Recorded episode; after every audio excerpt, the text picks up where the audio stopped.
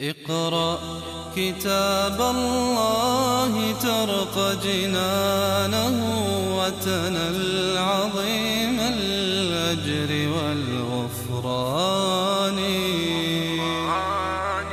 رتله روي القلب من نفحاته كالماء يروي لهفة العطشان كذلك قال ربك. أخبروا أن هذا ليس كلامهم هم ليس كلامهم هم. ولا دعاء ولا تمني وإنما هو خبر من الله سبحانه وتعالى.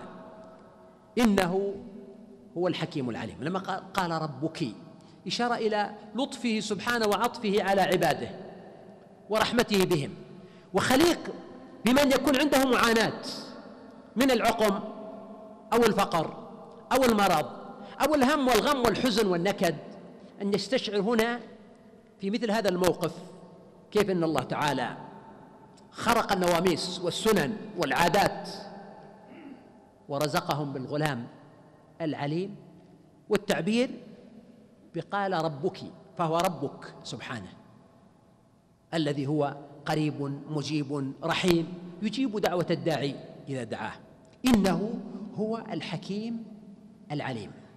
فهو الحكيم في خلق هذا الغلام وفي تأخيره وهو العليم الذي منح هذا الغلام من علمه فجاء غلاما عليما وهو العليم أيضا بالأشياء والأسباب ولذلك لا يعجزه شيء ولا تخفى عليه خافية.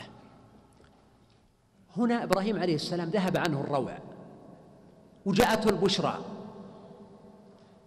كأنه متأكد أن هؤلاء الناس لم يكن إتيانهم فقط من أجل هذه القصة كأن هذه القصة عرضية يعني. الخبر بالبشرى كأنه شيء عارض لا تخف وبشروا بغلام عليم. أحس بأن مجيء ملائكة وفد ليسوا أشخاص عاديين مجموعة. أحس أن مجيئهم إليه فيه أمر آخر وراء هذه البشرى. ولذلك قال فما خطبكم؟ وعادة الخطب لا يقال في الشيء الكبير العظيم. يعني ألم به خطب؟ فلهذا قال ما خطبكم؟ يعني ما هي القصة الضخمة التي جئتم من أجلها؟ وكأنه لا يزال شيء من الخوف في نفسه. لماذا جاءوا؟ قالوا إنا أرسلنا إلى قوم مجرمين وهؤلاء قوم لوط. وصفوهم بأنهم مجرمون لأنهم كانوا يتعاطون الفاحشة الأخلاقية فاحشة الشذوذ الجنسي المثلية. كانوا يأتون الذكران من العالمين لم يسبقهم بهذا أحد من الناس. ويأتونه في ناديهم ويتعاطونه جهارا نهارا ويصرون عليه. ولم يطيعوا نبيهم عليه الصلاة والسلام. فهم مجرمون. لنرسل عليهم حجارة من طين. وهذه الحجارة قيل هي من أنواع الحجارة الطينية البركانية التي رفعها الله تعالى إلى السماء ثم أنزلها عليهم مسومة عند ربك للمسلمين. إما أن يكون المعنى مسومة يعني معلمة. بمعنى أنها ليست مثل الحجارة العادية بل هي حجارة من نوع خاص. والسوق هو العلامة مثل الوسم وإما أن يكون المعنى مصورة أي مكتوبا عليها اسم صاحبها. وإما أن يكون المعنى مصورة أي مرسلة من عند ربك. يعني أن قصة الحجارة هذه ليست حادثة كونية طبيعية مثل ما يحصل في أي مكان. ممكن يحدث بركان أو طوفان أو شيء لا هذا أمر مرتب ومقصود من عند الله سبحانه وتعالى للمسرفين. والمقصود هنا بالإسراف أن أمرهم تطور لأن الجريمة أشد من الإسراف. لكن المقصود أنهم أن أمرهم تطور ربما كانت بداياتهم يعني شيئا من التساهل حتى تطور إلى إتيان الفاحشة وإلى تعاطيها وإلى الإعلان بها فأنزل الله تعالى عليهم هذا العقاب قال الله سبحانه وتعالى فأخرجنا من كان فيها من المؤمنين. في هذه القرية. القرية إيش اسمها؟ سدوم. وهي تقريبا في بلاد الشام قريبا من منطقة الأردن قريبا من البحر الميت. وقال سبحانه أخرجنا من كان فيها من المؤمنين. فما وجدنا فيها غير بيت من المسلمين. قال هنا من المؤمنين وقال هنا من المسلمين. لماذا؟ لأنه في المرة الأولى قال فأخرجنا. فعبر بالإخراج. فالذين خرجوا هم المؤمنون لا غير. وهم من آل لوط. أما بالنسبة للوجود فالذي كان موجودا في القرية أو في المدينة هو بيت واحد وهو بيت لوط أيضا. لكن عبر عنه بالمسلمين لماذا؟ لأن في واحد مستثنى من هو؟ زوجته. فزوجته كانت ظاهرا من المسلمين. والله أعلم. فهي ظاهرا كانت من المسلمين. لكن في باطنها كانت مع قومه. ولذلك قال الله تعالى فما وجدنا فيها غير بيت من المسلمين. إذا البيت مسلمين لأنه في واحد يعني لا يصدق عليه من المؤمنين. تعبر بالمسلمين. لكن الإخراج. هل خرجت معه مين؟ لا ولذلك عبر بالمؤمنين. ولهذا قال لا يلتفت منكم أحد إلا امرأة إنه مصيبها ما أصابهم إن موعدهم الصبح ليس الصبح بقريب. قال وتركنا فيها آية للذين يخافون العذاب الأليم. تركنا فيها. ما هي؟ في القرية. آثار القرية. الانقلاب الحجارة. التي أصابتهم بقي فيها آثار. أو القصة نفسها. تركنا في القصة وسردها وتلاوتها ومعرفة الناس بها آية للذين يخافون العذاب الأليم. يتجنبون أن يصيبهم مثل ما أصاب قوم لوط. حقيقة ذلك تحذير من يعني حالات المثلية التي أصبحت اليوم في العالم جزءا من حضارة العالم أو جزءا مما يسمونه بحقوق الإنسان. وفي العالم الغربي جمعيات ومؤسسات وروابط تقوم على أساس حقوق المثليين ومظاهرات ضخمة. وأحيانا رؤساء الدول يخطبون ودهم ويعلنون بأنهم إذا فازوا في الانتخابات سوف يحافظون على حقوقهم ويعطونهم كيد وكيد. وفي العالم الغربي يواجه المسلمون هناك مشكلة صعبة في هذه القضية. ويتحدث عنهم الإعلام حديثا ليس بالسهل. وهذا الشر توصل إلى كثير من العالم الإسلامي فضلا عما في طبيعة بعض الناس والشباب خاصة والبنات أيضا من وجود حالات الرغبة المثلية وسهولة الوصول إلى المثل وأيضا وجود مواقع إلكترونية ومتخصصة أحيانا في ربط العلاقة ما بين الفتى وفتى مثله أو ما بين الفتاة وفتاة مثلها وتسهيل مثل هذه الأمور وكثرة احتكاك الشباب بعضهم ببعض مع عدم وجود التربية الجيدة والتهذيب والأخلاق والرقابة أيضا.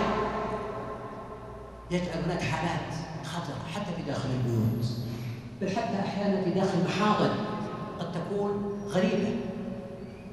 يعني اليوم وأنا آتي لهذا المسجد أقرأ رسالة ما زالت في جوالي شاب يشتكي أنه في آه، مجلس خير وعلم وحفظ قرآن ومع ذلك صديق له محبة في الله. كلمة في الله حقيقة وسيلة لأن هي محبة أحيانا قد تكون انجذابا عاطفيا أو تعلقا بهذا الشخص. لوسمته أو لظرفه أو لكثرة ضحكه ومزاحه أو لوجود تجانس بين الاثنين. وهذا شيء طبيعي أن يحدث لكن بغفلة الشاب يظن أن هذا حب في الله فيندفع إليه ويكون هناك خلوات وحضن وتقبيل ويعني مشاهد سلبية.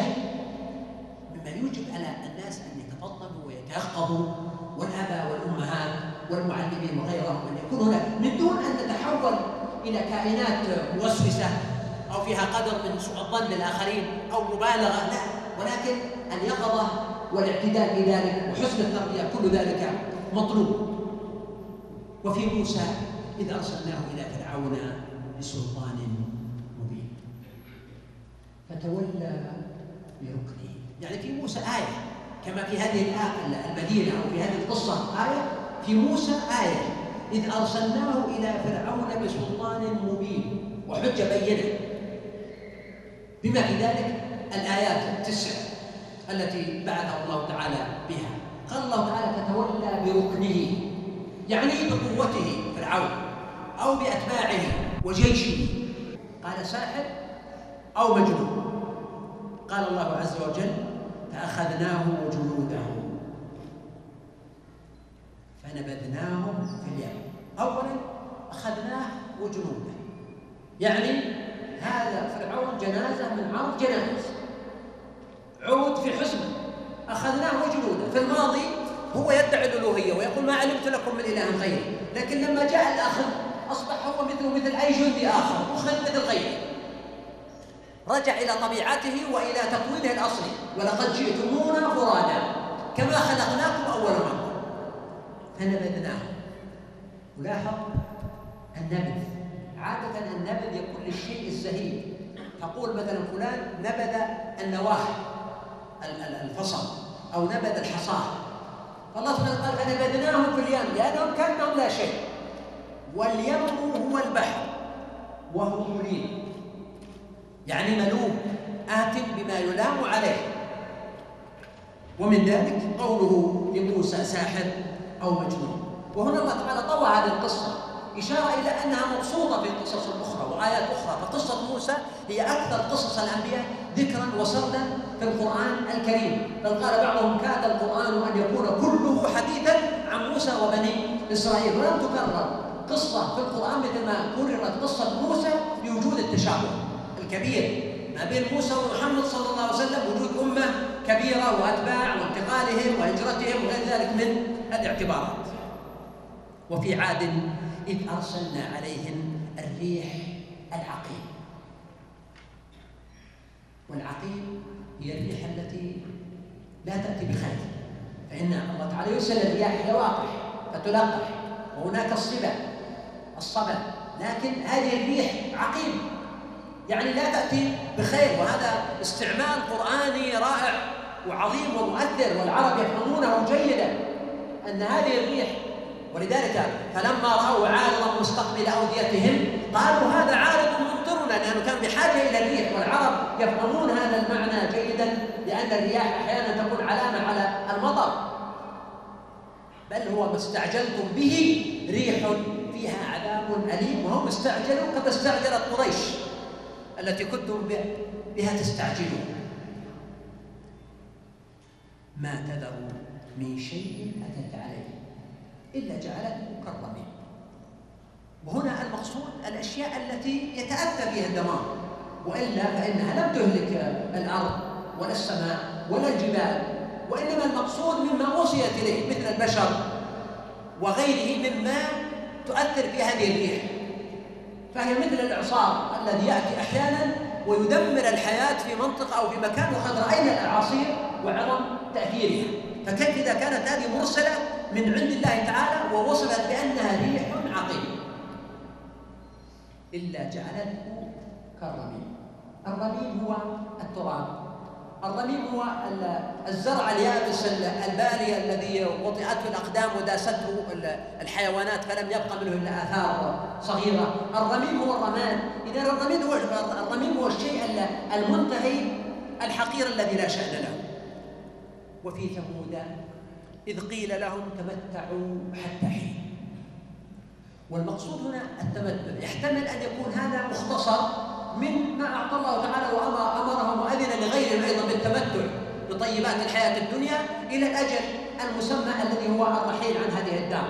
ويحتمل في شأن ثمود خاصة أن يكون هي الأيام الثلاثة التي قال لهم في آخر المطاف بعدما كذبوا فقال تمتعوا في ذلكم ثلاثة أيام. ذلك وعد غير مكذوب. فعتوا عن أمر ربهم. وهذا يرجح أن المقصود بقوله تمتعوا. يعني كلوا من طيبات ما رزقكم الله واشكروا له وأطيعوه. ولهذا قال فعتوا عن أمر ربهم فأخذتهم الصاعقة وهم ينظرون. ينظرون لكن لا يستطيعون أن يصنعوا شيئا. يعني مجرد يتفرجون. قال الله تعالى فما استطاعوا من قيام. يعني ما استطاعوا أن يقوموا حتى على أقدامهم لأن هذا الشيء أرعبهم وأخافهم وأسقطهم وأهلكهم. أو المعنى ما استطاعوا من قيام يعني أن يواجهوا هذا الشيء الذي نزل بهم وهو الصاعقة. أو المعنى وما كانوا منتصرين يعني ما استطاعوا أن يطلبوا النصر. يعني ما انتصروا هم بأنفسهم وما استطاعوا أن يطلبوا النصر من غيرهم ما انتصروا بأنفسهم ولا نصرهم أحد من الله سبحانه وتعالى وقوم نوح من قبله لأن قوم نوح كانوا قبل هؤلاء جميعا ولكن أخرهم السياق خلافا لعادة القرآن الكريم في سياق قصص الأنبياء. هنا قال وقوم نوح من قبل يعني قبل هؤلاء الأنبياء إنهم كانوا قوما فاسقين. والشيء العجيب أن هذه القصص التي ذكر الله تعالى كلها أهلك فيها القوم بشيء من جنس النعم التي أنعم الله عليهم. فأحد منهم أهلك بالماء بالغرق أو بالطوفان وأحد أهلك بالنار وهي الصاعقة وأحد أهلك بالطين وهو الذي خلق منه الإنسان وهو الذي يستفيد من الإنسان أيضا في الزرع. إلى غير ذلك مما عذب الله به هؤلاء الأقوام. اقرأ كتاب الله ترق جنانه وتنل عظيم الأجر والغفران. رتله روي القلب من نفحاته كالماء يروي لهفة العطشان